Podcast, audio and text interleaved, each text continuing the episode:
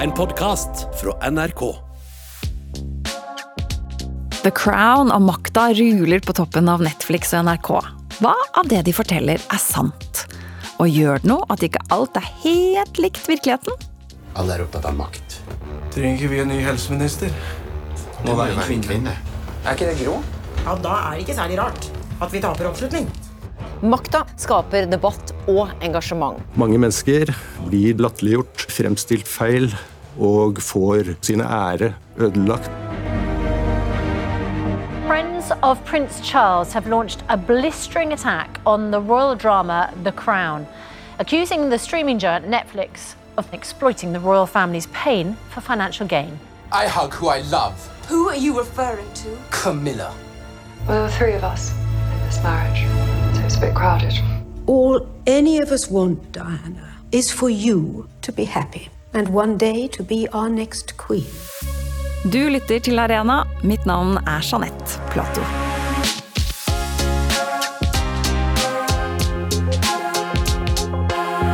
Når du ser på The Crown eller Makta, føler du at du blir kjent med nye sider av prinsesse Diana eller Gro? At du kan leve deg litt inn i hvordan de hadde det? Jeg gjør det, selv om jeg vet at det er dramaserier.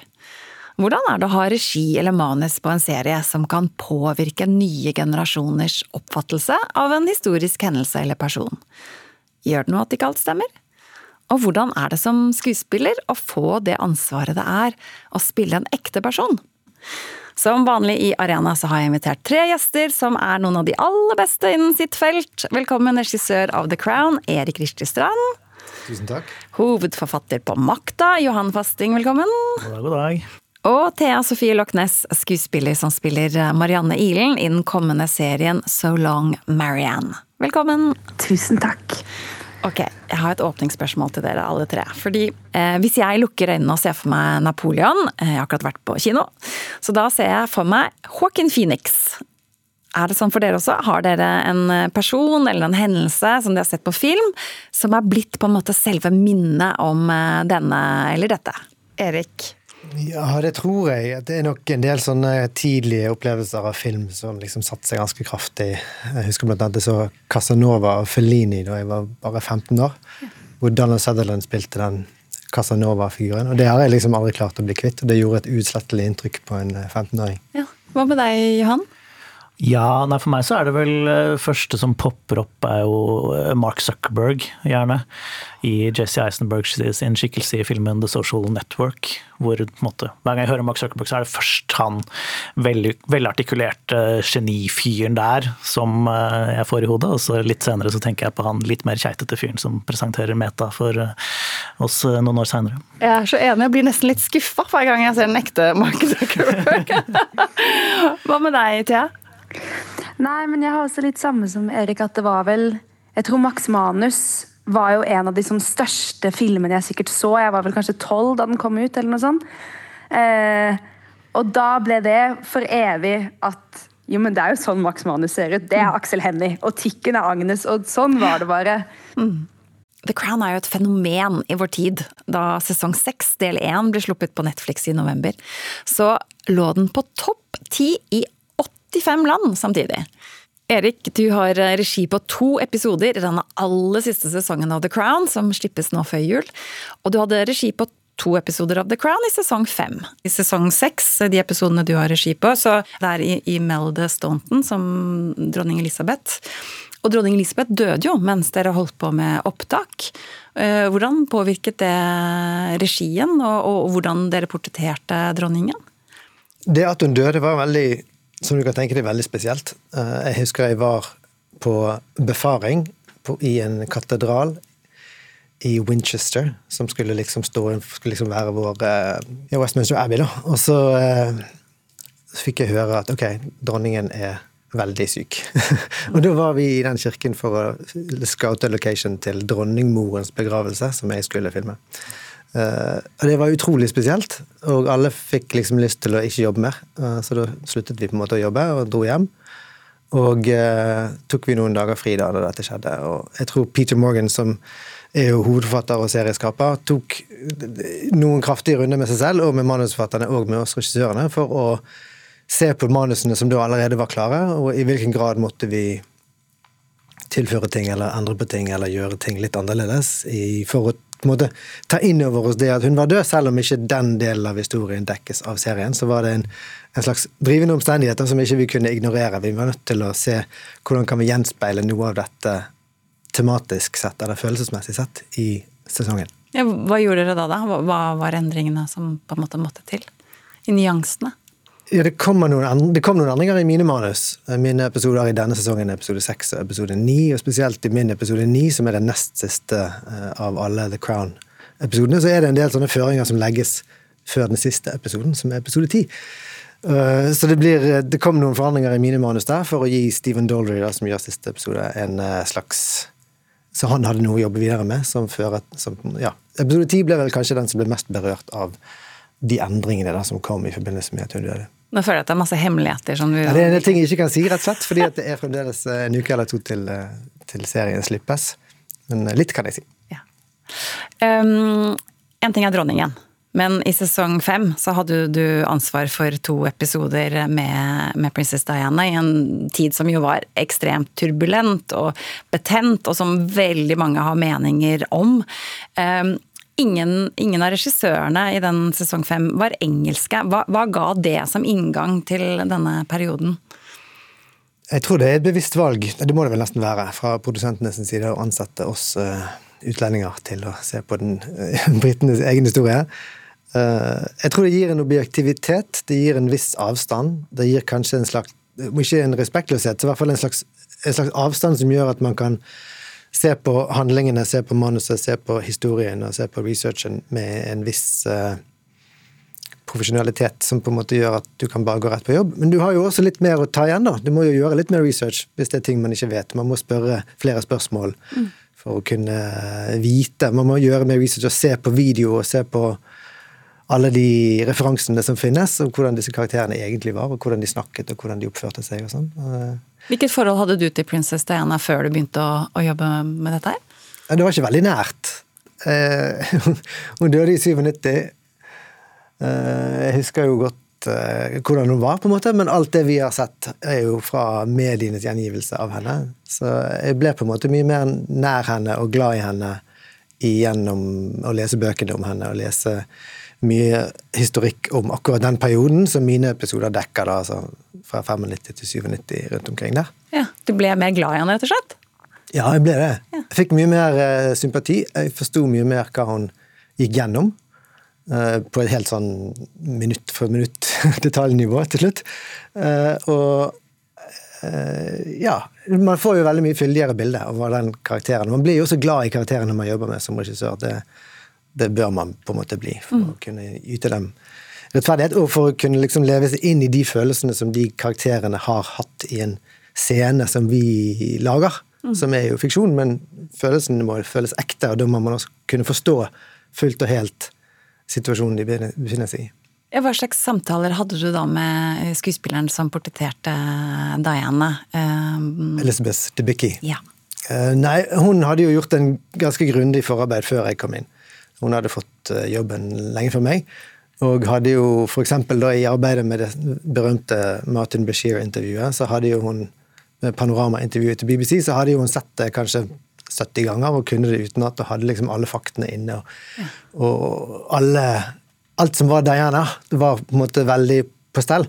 Men det blir jo fort litt sånn ytre. at I en sånn serie som The Crown, kanskje også litt i makta, så må man jo forholde seg til at vi vet hvordan de så ut, og vi vet Vi har masse referanser som i, i vårt tilfelle er veldig sånn ikonisk nyhets... Eh, blikket og Blikket og øyenvippene ja. og smilet og liksom Hun er litt sånn gjennomsiktig, du kan se litt hvordan hun egentlig tenker. Underteksten hennes er ganske tydelig, og det er gøy.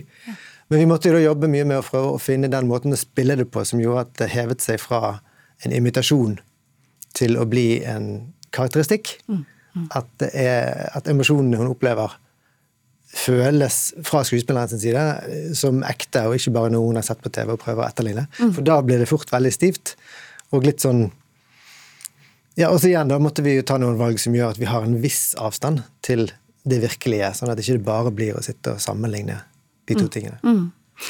Um, Det var selvfølgelig kritikk som kom. Sånn måtte det vel nesten eh, bli. Eh, mange hadde jo så mange meninger om, om, henne, har mange meninger om henne. Eh, nylig så var Dianas butler Paul Burrell på ITVs eh, morgenshow. Han mener fremstillingen ikke stemmer med hvordan hun var i virkeligheten. Vi kan jo høre.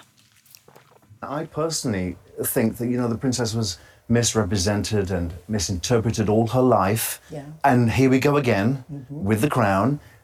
It's not the real Diana. The real Diana I knew was a fighter. Yeah. She wasn't shy and retiring. She fought for what she believed in, and she fought for her boys. Hvordan reagerer du og kollegene på kritikken, Erik? Ja, akkurat denne her eh, har jeg ikke hørt før, men jeg syns jo ikke at Diana fremstilles som eh, shy, altså som sky eller beskjeden eller sjenert. Jeg opplever Elizabeth Debicki har funnet, spesielt i sesong seks, en veldig sånn fin humor. Jeg opplever at Diana fremstår som egentlig ganske sterk, spesielt i møte med Dodi El-Fayed og liksom i den siste delen av livet som vi tar for oss i denne sesongen. Eh, så jeg er ikke helt enig, og det at hun slåss for guttene sine, er helt åpenbart. Så det er så mange, mange, som har meninger, og Paul Burrell har skrevet en bok, og han har sine interesser her, og det, man må få lov å ha ulike meninger. Mm. Thea, hva hadde du tenkt om å spille en ikon som Diana? Um, nei, da hadde jeg jo vært uh, livredd. um, men, um, men, selvfølgelig også for en, altså for en drømmerolle. Og de uh, Elisabeth Debicki og Altså, de har gjort en helt fantastisk tolkning, så man blir jo også bare sånn Det eh, All respekt til de og den jobben de har gjort, og for noen forbilder. Er det sånn at du, du ser på The Crown? Ja, selvfølgelig. og makta. Og makta, ja, nettopp. du, um, føler du at du blir kjent med, med Diana og i, i, The Crown? Ja, det syns jeg absolutt man gjør. Hvordan da?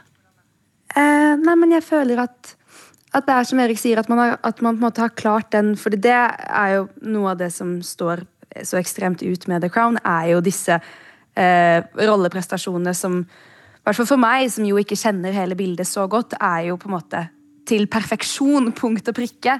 Men allikevel så blir man engasjert, og man føler ikke at man bare ser på en imitasjon, men at man er der, og det er følelser man blir investert i. Og det syns jeg er fantastisk. Mm. Johan, hva med deg? Har, har du sett på The Crown, eller? Uh, nei, faktisk ikke. Jeg så første sesongen, frem, for jeg måtte få med denne Churchill-episoden som alle snakket om.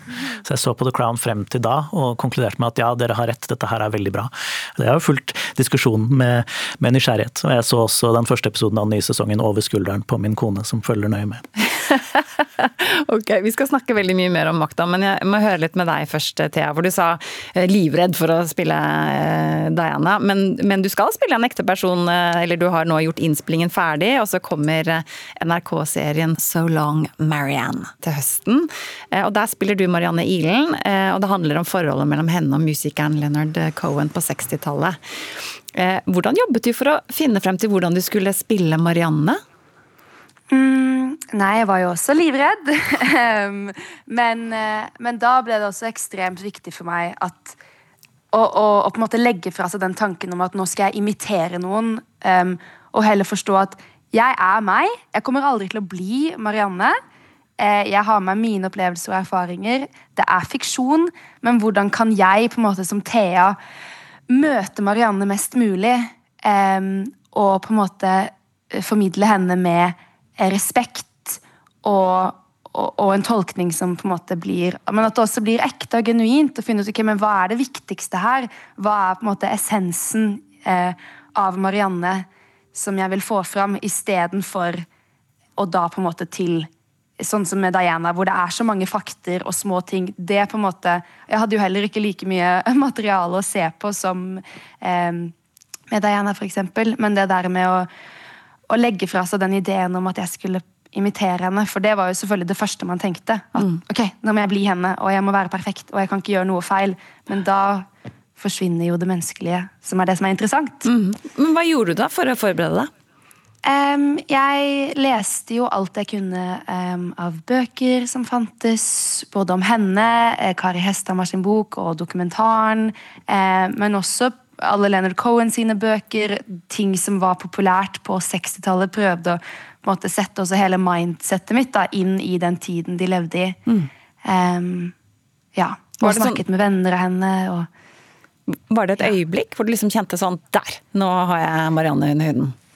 Um, nei, men jeg, det er veldig, jeg har jobbet med en, en skuespillercoach, en franskmann.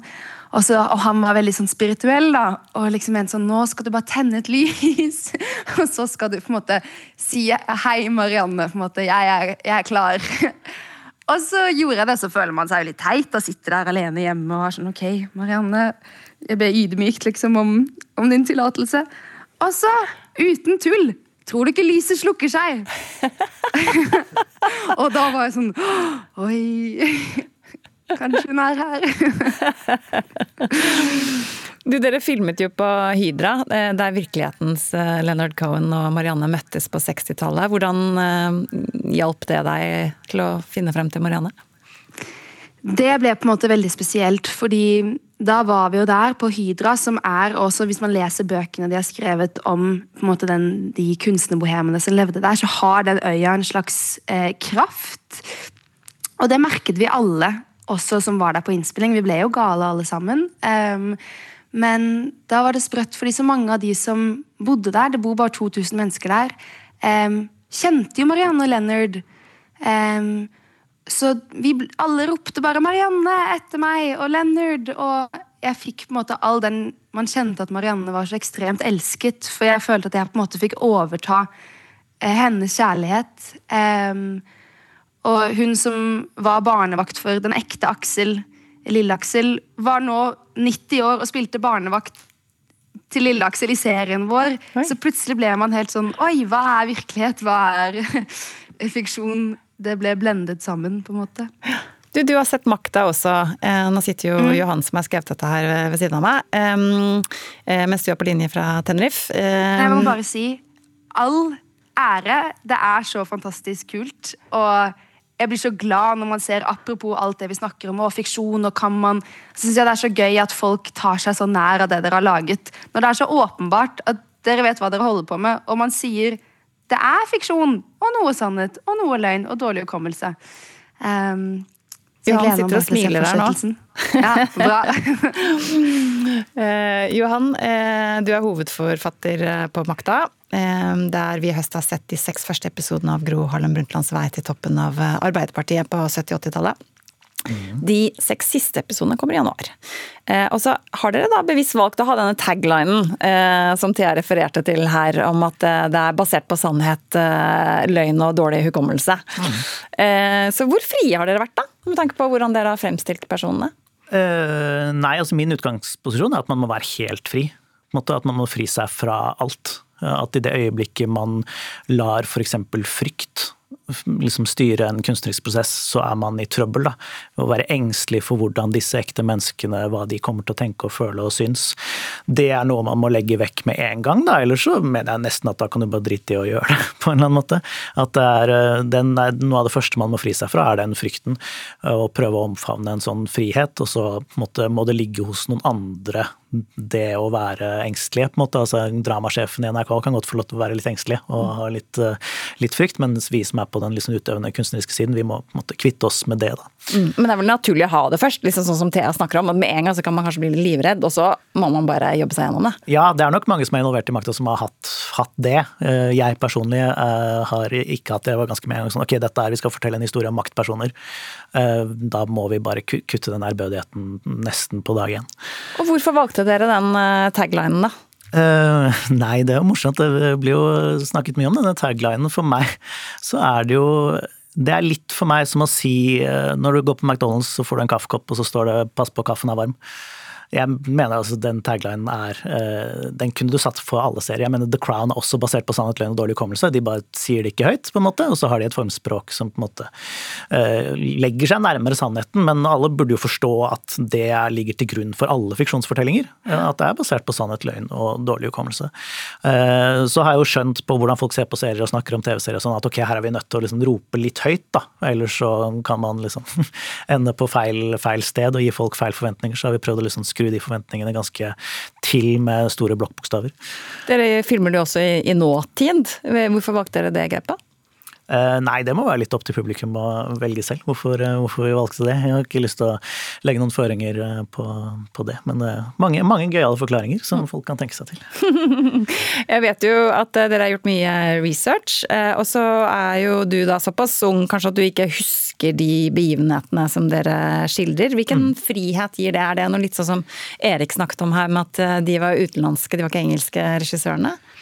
Ja, ja jeg syns jo det er litt sånn avgjørende. Jeg tror nok også det var derfor NRK til å begynne med gikk for akkurat denne versjonen av prosjektet, som Silje Storstein og Kristin Grue pitchet til dem til å begynne med. At de var en yngre generasjon som hadde lyst til å snakke til et yngre publikum, som jo er eh, helt sentralt her. Og da er det jo avgjørende at vi ikke egentlig vet så mye om disse tingene, og prøver å liksom, ok, gå inn i researchen og så se på den researchen. Hva er det her som er interessant for oss i dag, eller for den generasjonen under oss? Hva er det ved disse tingene, Hvordan opplever vi og tolker dette materialet som foreligger foreligger i de historiske kildene, og så plukker vi de tingene vi syns er mest interessant, og så velger vi vekk andre ting som vi da syns er mindre interessant. Og så er det bare viktig at publikum forstår at det er noen som har tatt sånne valg hele veien gjennom her, da. Mm. Hva av det Erik fortalte i sted fra hvordan han har jobbet med The Crown, har du liksom kjent på noen paralleller hos deg? Hva, hva traff deg av det han sa i sted? Uh, nei, det er jo liksom i hvor stor grad man skal liksom gå inn og skrive om manusene og sånn. Eksempel når dronningen dør, da, når jeg hører det, så tenker jeg kanskje sånn Ja, jeg forstår det, men også så burde det jo på en måte ikke være sånn. Uh, jeg forstår veldig godt at Peter Morgan føler for å gjøre det, og jeg aner jo ikke hva de episodene er. Men det er en sånn ting som jeg har liksom følt veldig sånn altså vi må, Hvis jeg må kunne lage må, Den serien her måtte jeg også kunnet lage om 100 år. Ikke sant? At det å prøve å finne et sånt der skillelinje for når man har nok distanse til disse menneskene til at det er greit å fortelle historien, det blir en sånn veldig arbitrær emosjonell øvelse for meg som blir, kommer til å være opp til hver enkelt. Da.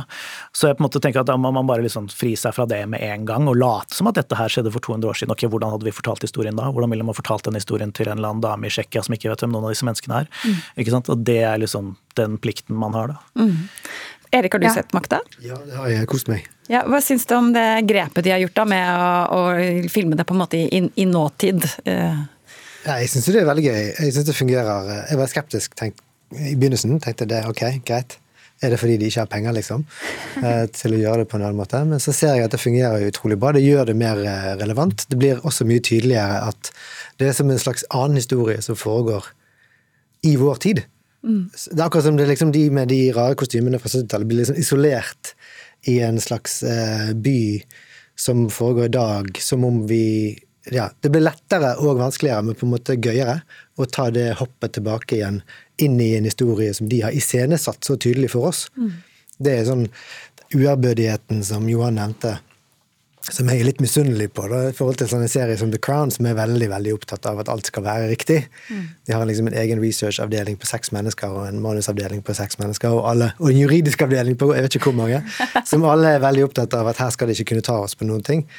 Uh, så det å kunne ha den uærbødigheten og den tilnærmingen som makta jeg syns klart har klart, som, som Johan og serieskaperne og Yngvild uh, Flikke har klart å få til, syns jeg var eh, veldig friskt og kult. Gir det en annen frihet?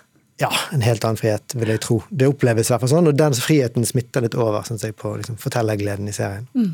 Men Johan, var det sånn at f.eks. med Gro, da liksom, fikk hun se noe liksom, i, i, forkant på noen måte, eller liksom, forberedte du de som, som lever fortsatt på noen måte, at dette kommer, og sånn ser det ut? Ja, altså alle de pårørende og gjenlevende har jo blitt um, informert om at serien blir laget. Eh, så det vet du jo. Det har vært invitert til en visning for familiemedlemmer og sånne ting før vi hadde premiere. Så vi har gjort, gjort grep for det. Det er liksom den viktigste delen av den ærbødigheten. Selvfølgelig, Det er vi jo nødt til å ha, ha liksom noe ærbødighet overfor og vise respekt for måte, disse menneskene på andre, andre siden av det. Eh, men selve liksom, det som skjer på skjermen og i kunsten, må være fri fra det. Så vi har jo heller ikke snakket med Gro i researcharbeidet overhodet. Dere har ikke det? Nei. Hvorfor ikke det, da? For det første så har hun skrevet veldig mange bøker. så hun har jo fått lov å fortelle sin historie. Jeg tror ikke hun hadde fortalt så veldig mange andre ting hvis vi satte oss ned med henne og snakket direkte, men også fordi det er ikke det er, måte, Hun skal ikke få for mye makt som den siste gjeldlevde her til å fortelle historien. Hun får allerede ganske mye definisjonsmakt i at hun har på en måte Ja, de bøkene er noe vi bruker mye som kilde, men uh, vi må også være forsiktige oss imellom liksom ok, hvor mye innflytelse får dem, da, spesielt når de andre menneskene ikke lever lenger. Mm. Selv om dere er tydelige på at det er elementer av, av løgn i, i, serien, som dere jo skriver, så um, var det et par klager i K-rådet som, uh, som, ble behandlet. Uh, og så Den ene var bekymra for at makta kan bli stående som sannheten for unge mennesker. Mm. Um, uh, han skrev annet da yngre mennesker som ikke har erfaring fra eller kjennskap til den aktuelle perioden, vil ikke ha noen korrigerende referanser referanse. Hva tenkte du om den klagen? Nei, det er jo en helt grei bekymring å lufte, og hvis den får gehør og folk er enig i det, så er jo det en samtale man må ta. Vi har gjort vårt for å prøve å motvirke det, og prøve å fortelle den yngre generasjonen at du kan ikke stole på det du ser her. på en måte At det er åpenbart et lag av fiksjon på toppen av et lag av noen beretninger som man ikke nødvendigvis kan stole på, de heller. Mm. Eh, så jeg føler at vi er ganske tydelige, og jeg har vel tilstrekkelig tillit til det unge publikum til at jeg tror de skjønner det. Eh, jeg tror ikke det er veldig mange unge folk som ser på makta eh, som tror at Einar Førde så ut som Nadia Akademi. Jeg tror de, det skjønner de greit, på en måte. Jeg tror de skjønner at liksom dette her er en, ja, en, noen som rekonstruerer noen hendelser fordi de har et eller annet de vil fortelle. Og det er jo det folk burde ha fokus på. Hva er det som blir fortalt, hvorfor? Fortelles denne historien. Mm. Uh, og på en måte Oppgaven vår er jo ikke å gjenskape en virkelighet, oppgaven vår er jo å ha et eller annet vi vil fortelle. Uh, og Det er jo det som folk skal sitte igjen med i andre enden. Så jeg personlig er ikke kjempebekymret for det, men det ikke, jeg kan jo ikke sitte på fasiten eh, der, jeg heller. Men jeg drar oss litt tilbake til den starten hvor vi snakket om det der, hvor du tenker på, på Jesse mer som Mark mm. enn Mark selv. Um, og så uh, er det jo forskning da, som viser at fortellinger former hvordan vi husker og oppfatter hva som er sant om hendelser. Eh, og det er fordi hukommelsen vår lettere lager fortellinger om fakta med bilder enn tekst. Ehm, og så har vi snakket med en professor i psykologi ved Universitetet i Oslo, Annika Melinder. Hun sier at for unge mennesker så kan en serie som Makta bli det de tror er sant om Gros vei til makta. Det er klart at det påvirker hvordan vi husker og forstår historien. Hvis du er 25 år, så har du ikke erfart den tidsperioden hvor makta skjedde. Så du har ikke en sånn personlig erfaring ut av verken tidsånden eller det som skjedde. Og derfor vil jeg jo tro at du i større grad da, um, lettere da kjøper det som blir servert. Og Her hjelper det ikke, selv om man har varningssignaler som er generelle, å si at her er det litt sånn lugn og løgn og fakta og fiksjon. Så lenge den liksom, warningen ikke er spesifikk, så har det en ganske lite effekt på hva vi allikevel da husker og er kritiske til det vi ser. Så man er nok i en ganske god posisjon til å kunne skape nye hendelser og nye situasjoner da, som man blir veldig sikker på var akkurat slik det skjedde, selv om det da kanskje ikke var det. Så her hører man jo at sant, man husker bildet godt, men det hørtes ut som du kanskje håpet mer på at folk ble litt sånn nysgjerrige og fant ut selv hva som faktisk skjedde? Eh, ja, det vil jeg jo si er en helt sentral del av, av serien. At på en måte vi viser folk toppen av isfjellet, og hvis de vil ha hele historien, så er de nødt til å oppsøke den selv. I hvert fall hvis de vil ha hele sannheten. Men det å forvente at fiksjon kan presentere en sannhet, er jo et liksom paradoksalt sted å begynne. Det er, bare, det er ikke mulig. Det eneste vi har muligheten til å gjøre, vi kan legge oss tettere på de virkelige hendelsene. Det har vi absolutt mulighet til. Eh, men det som skjer da, er ikke at vi ljuger mindre. Det som skjer er at vi ljuger mer overbevisende. Som er på en måte enda mer farlig, vil jeg si. da, Hvis du er redd for liksom ærekrenkingen av disse menneskene. Jeg kunne fortalt akkurat den samme historien om disse menneskene, fordi vi har litt sånn research som peker på det. Og jeg kunne gjort det med et, vi kunne valgt et formspråk som ja, legger seg tettere på en eller annen form for realisme. Da. Og så ville jo de løgnene ha fått mye mer slagkraft enn de har nå. Eh, så alt, alt er løgn. på en måte. Er, man ljuger 24 bilder i sekundet. Og det er folk nødt til å være klar over. Da, da, da må vi ha et fag på skolen allerede fra de er, går i første klasse om kildekritikk. Eh, det syns jeg man egentlig burde hatt uansett. Erik, det var vel snakk om en sånn plakat på, um, på Netflix også foran The Crown, men så ble det bare foran traileren, var det ikke det? Ja, det var mye snakk om det i forbindelse med sesong fem, husker jeg. Mm. Jeg tror kanskje de slapp en sånn eh, ja, litt sånn som dere har foran, eh, at det er basert på virkelige hendelser, men en fiksjonsversjon av det. Et eller annet sånn, jeg husker ikke hvordan de, de ordla seg. Men uh, Men trenger publikum egentlig det? Nei, jeg er enig med Johan. Jeg syns at det, det vet vi. Men det er også interessant det du sier, at når du får et ansikt servert som er en skuespiller som gjør en veldig overbevisende jobb, så er det jo lett for at det ansiktet er det du forbinder, når du senere, om to år, tre år, ti år, 15 år, 30 år, tenker tilbake på den karakteren som døde for lenge siden, så det er kanskje det ansiktet som lettest dukker opp. Mm. Du, nå I denne nye sesongen eh, og det som slippes nå straks, så får vi jo for første gang si Kate eh, og William. Yes. Som jo er høyst levende. Eh, tenker du, Blir det annerledes med dem? på en måte? Altså, de, tenker du over at de kanskje kommer til å se på dette her? Ja, eller jeg tenker ikke mye på det, men jeg, jeg antar at de vil gjøre det. Ja, ja Har du fått tilbakemelding på at de ser på det? Crown?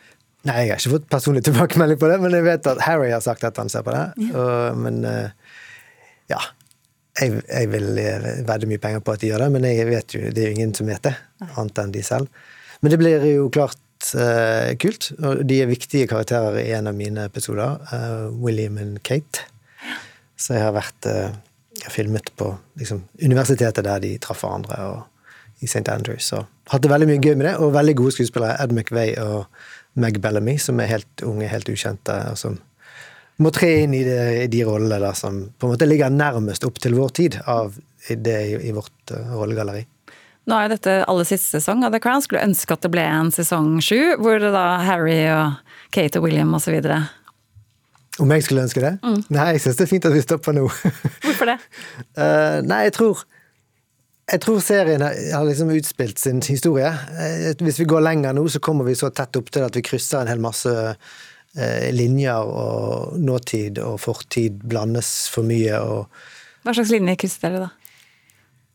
Nei, hvis vi nå skal begynne å snakke om Meghan og Harry og krangling og Opera og alt sånt, så blir det for meg helt sånn her pantomime-dragshow, på en måte. Da blir det, det blir rart. Jeg klarer ikke å skille det i mitt hode. Det er for tidlig å jobbe med en fiksjonsform. Eller så må du lage en helt annen serie.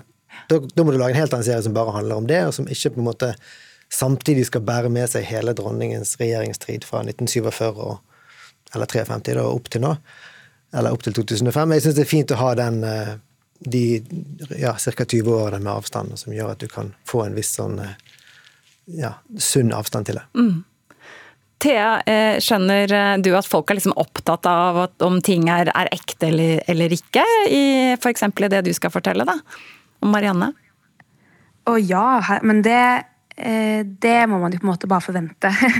At eh, det kommer til å være mange Leonard Cohen-fans der, og folk som kjente Marianne. Og jeg syns det er så fascinerende at folk er så opptatt av å ha den definisjonsmakten av å eie en historie, som man da f.eks. ser med The Crown og makta, at folk skal være sånn Nei, nei!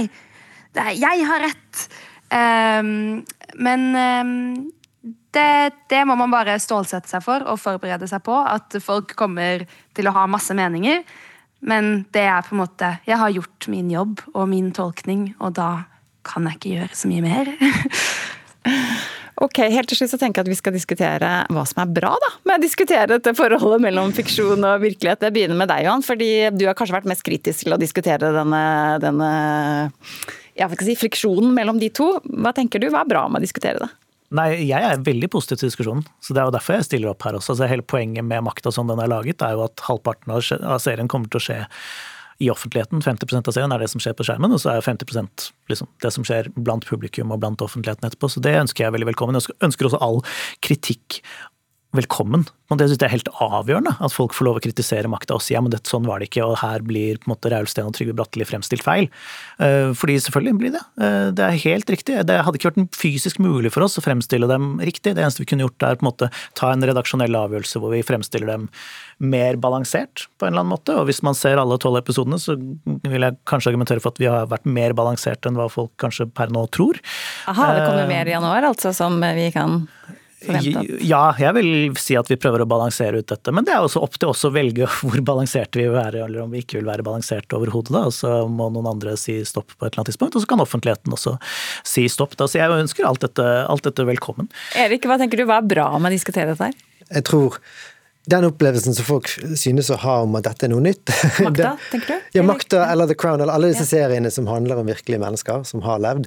Eh, den kritikken opplever jeg ofte som litt sånn men Har vi glemt at det har vi gjort i alle tider? Grekerne gjorde det, Shakespeare gjorde det. Alle, eh, dette er ikke noe nytt, det har vi holdt på med i, siden tidenes morgen. Vi gjør det kanskje bare litt annerledes, sånn som med makta. Gjør det på en annen måte, på en original måte, som på en måte derfor oppleves som litt sånn Oi, jøss. Yes. Så det at vi diskuterer det, tror jeg er også et signal eller en sånn reaksjon på at vi har truffet eh, at Johan og gjengen der har truffet noe bra. Mm. Når det gjelder The Crown, så er det også litt det at jeg tror at veldig mange mennesker føler at de har et slags eierskap til disse karakterene. De føler seg nærmest som om, spesielt i England, så er det litt sånn at det er en slags utvidet del av familien, denne kongefamilien. Og de har en veldig sånn investert uh, følelsesmessig holdning til hva som er rett og hva som er galt, og hvem som gjorde de rett og hvem som gjorde de urett. Og, og derfor, når de ser vår versjon av historien, så er det selvfølgelig mye å henge seg opp i. Hva er det du er mest spent på med det som slippes nå 14.12.? Eh, nei, er mest spent på mine to episoder. Hvordan de oppleves om folk syns det er interessant. For de handler ikke om Diana i det hele tatt. Eh, de handler på en måte mye mer om eh, det som skjedde etterpå, om dronningens og, og Tony Blair og det politiske spillet. Så det er jeg spent på. Så er jeg spent på publikums respons, egentlig. Det er det man alltid er spent på når man har laget noe. Hvordan, og Kate William, vel? Ja, Katie William også. ja. Du hører hva jeg er spent på, tydeligvis. Ja, jeg skjønner. jeg er oppvokst i England, så jeg har et eh, dypt forhold til dette her. Men ok, Thea, hva med deg? Hva er bra med å diskutere forholdet mellom fiksjon og virkelighet? Um, nei, men jeg tenker jo også bare at, det er, at jeg tror ofte så kan det jo nesten virke som at um, noen i publikum ikke tror at vi er klar over At, at de tenker at når eh, vi da ok, Her er en skuespiller, serieskaper, regissør, og vi tenker her er fasiten, vi har laget den riktige versjonen av historien. At når vi nå diskuterer dette, her, så er det jo åpenbart ikke sånn det er. Um, mm. Og at det er jo også det møtet som er interessant når den diskusjonen oppstår. At vi har laget vår versjon, og så får de ha sin mening, og så er det spennende alt som oppstår imellom der. Da sier jeg tusen takk til mine flotte, fine gjester her i dag. Erik Richtestrand, dekanregissør. Johan Fasting, hovedforfatter på Makta, og Thea Sofie Lochnes, skuespiller som spiller Marianne Ilen i den kommende serien So Long Marianne. Hvis du liker Ariana, kan du trykke følg i appen NRK Radio. Da blir du varslet hver gang det kommer en ny episode. Denne episoden er laget av journalist Marius Terjesen, vaktsjef Jostein Gjertsen, kulturredaktør er Helene Hillestad. Og jeg heter Jeanette Platou. Takk for nå!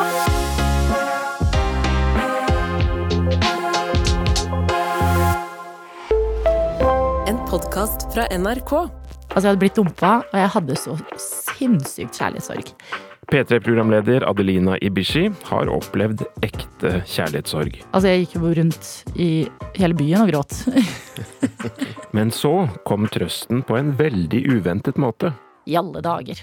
Hva, hva, skjer her nå? Hvorfor skal jeg høre på denne låta her? Hør historien om sangteksten som hjalp Adelina i Brenner deler dikt. Brenner deler dikt hører du i appen NRK Radio.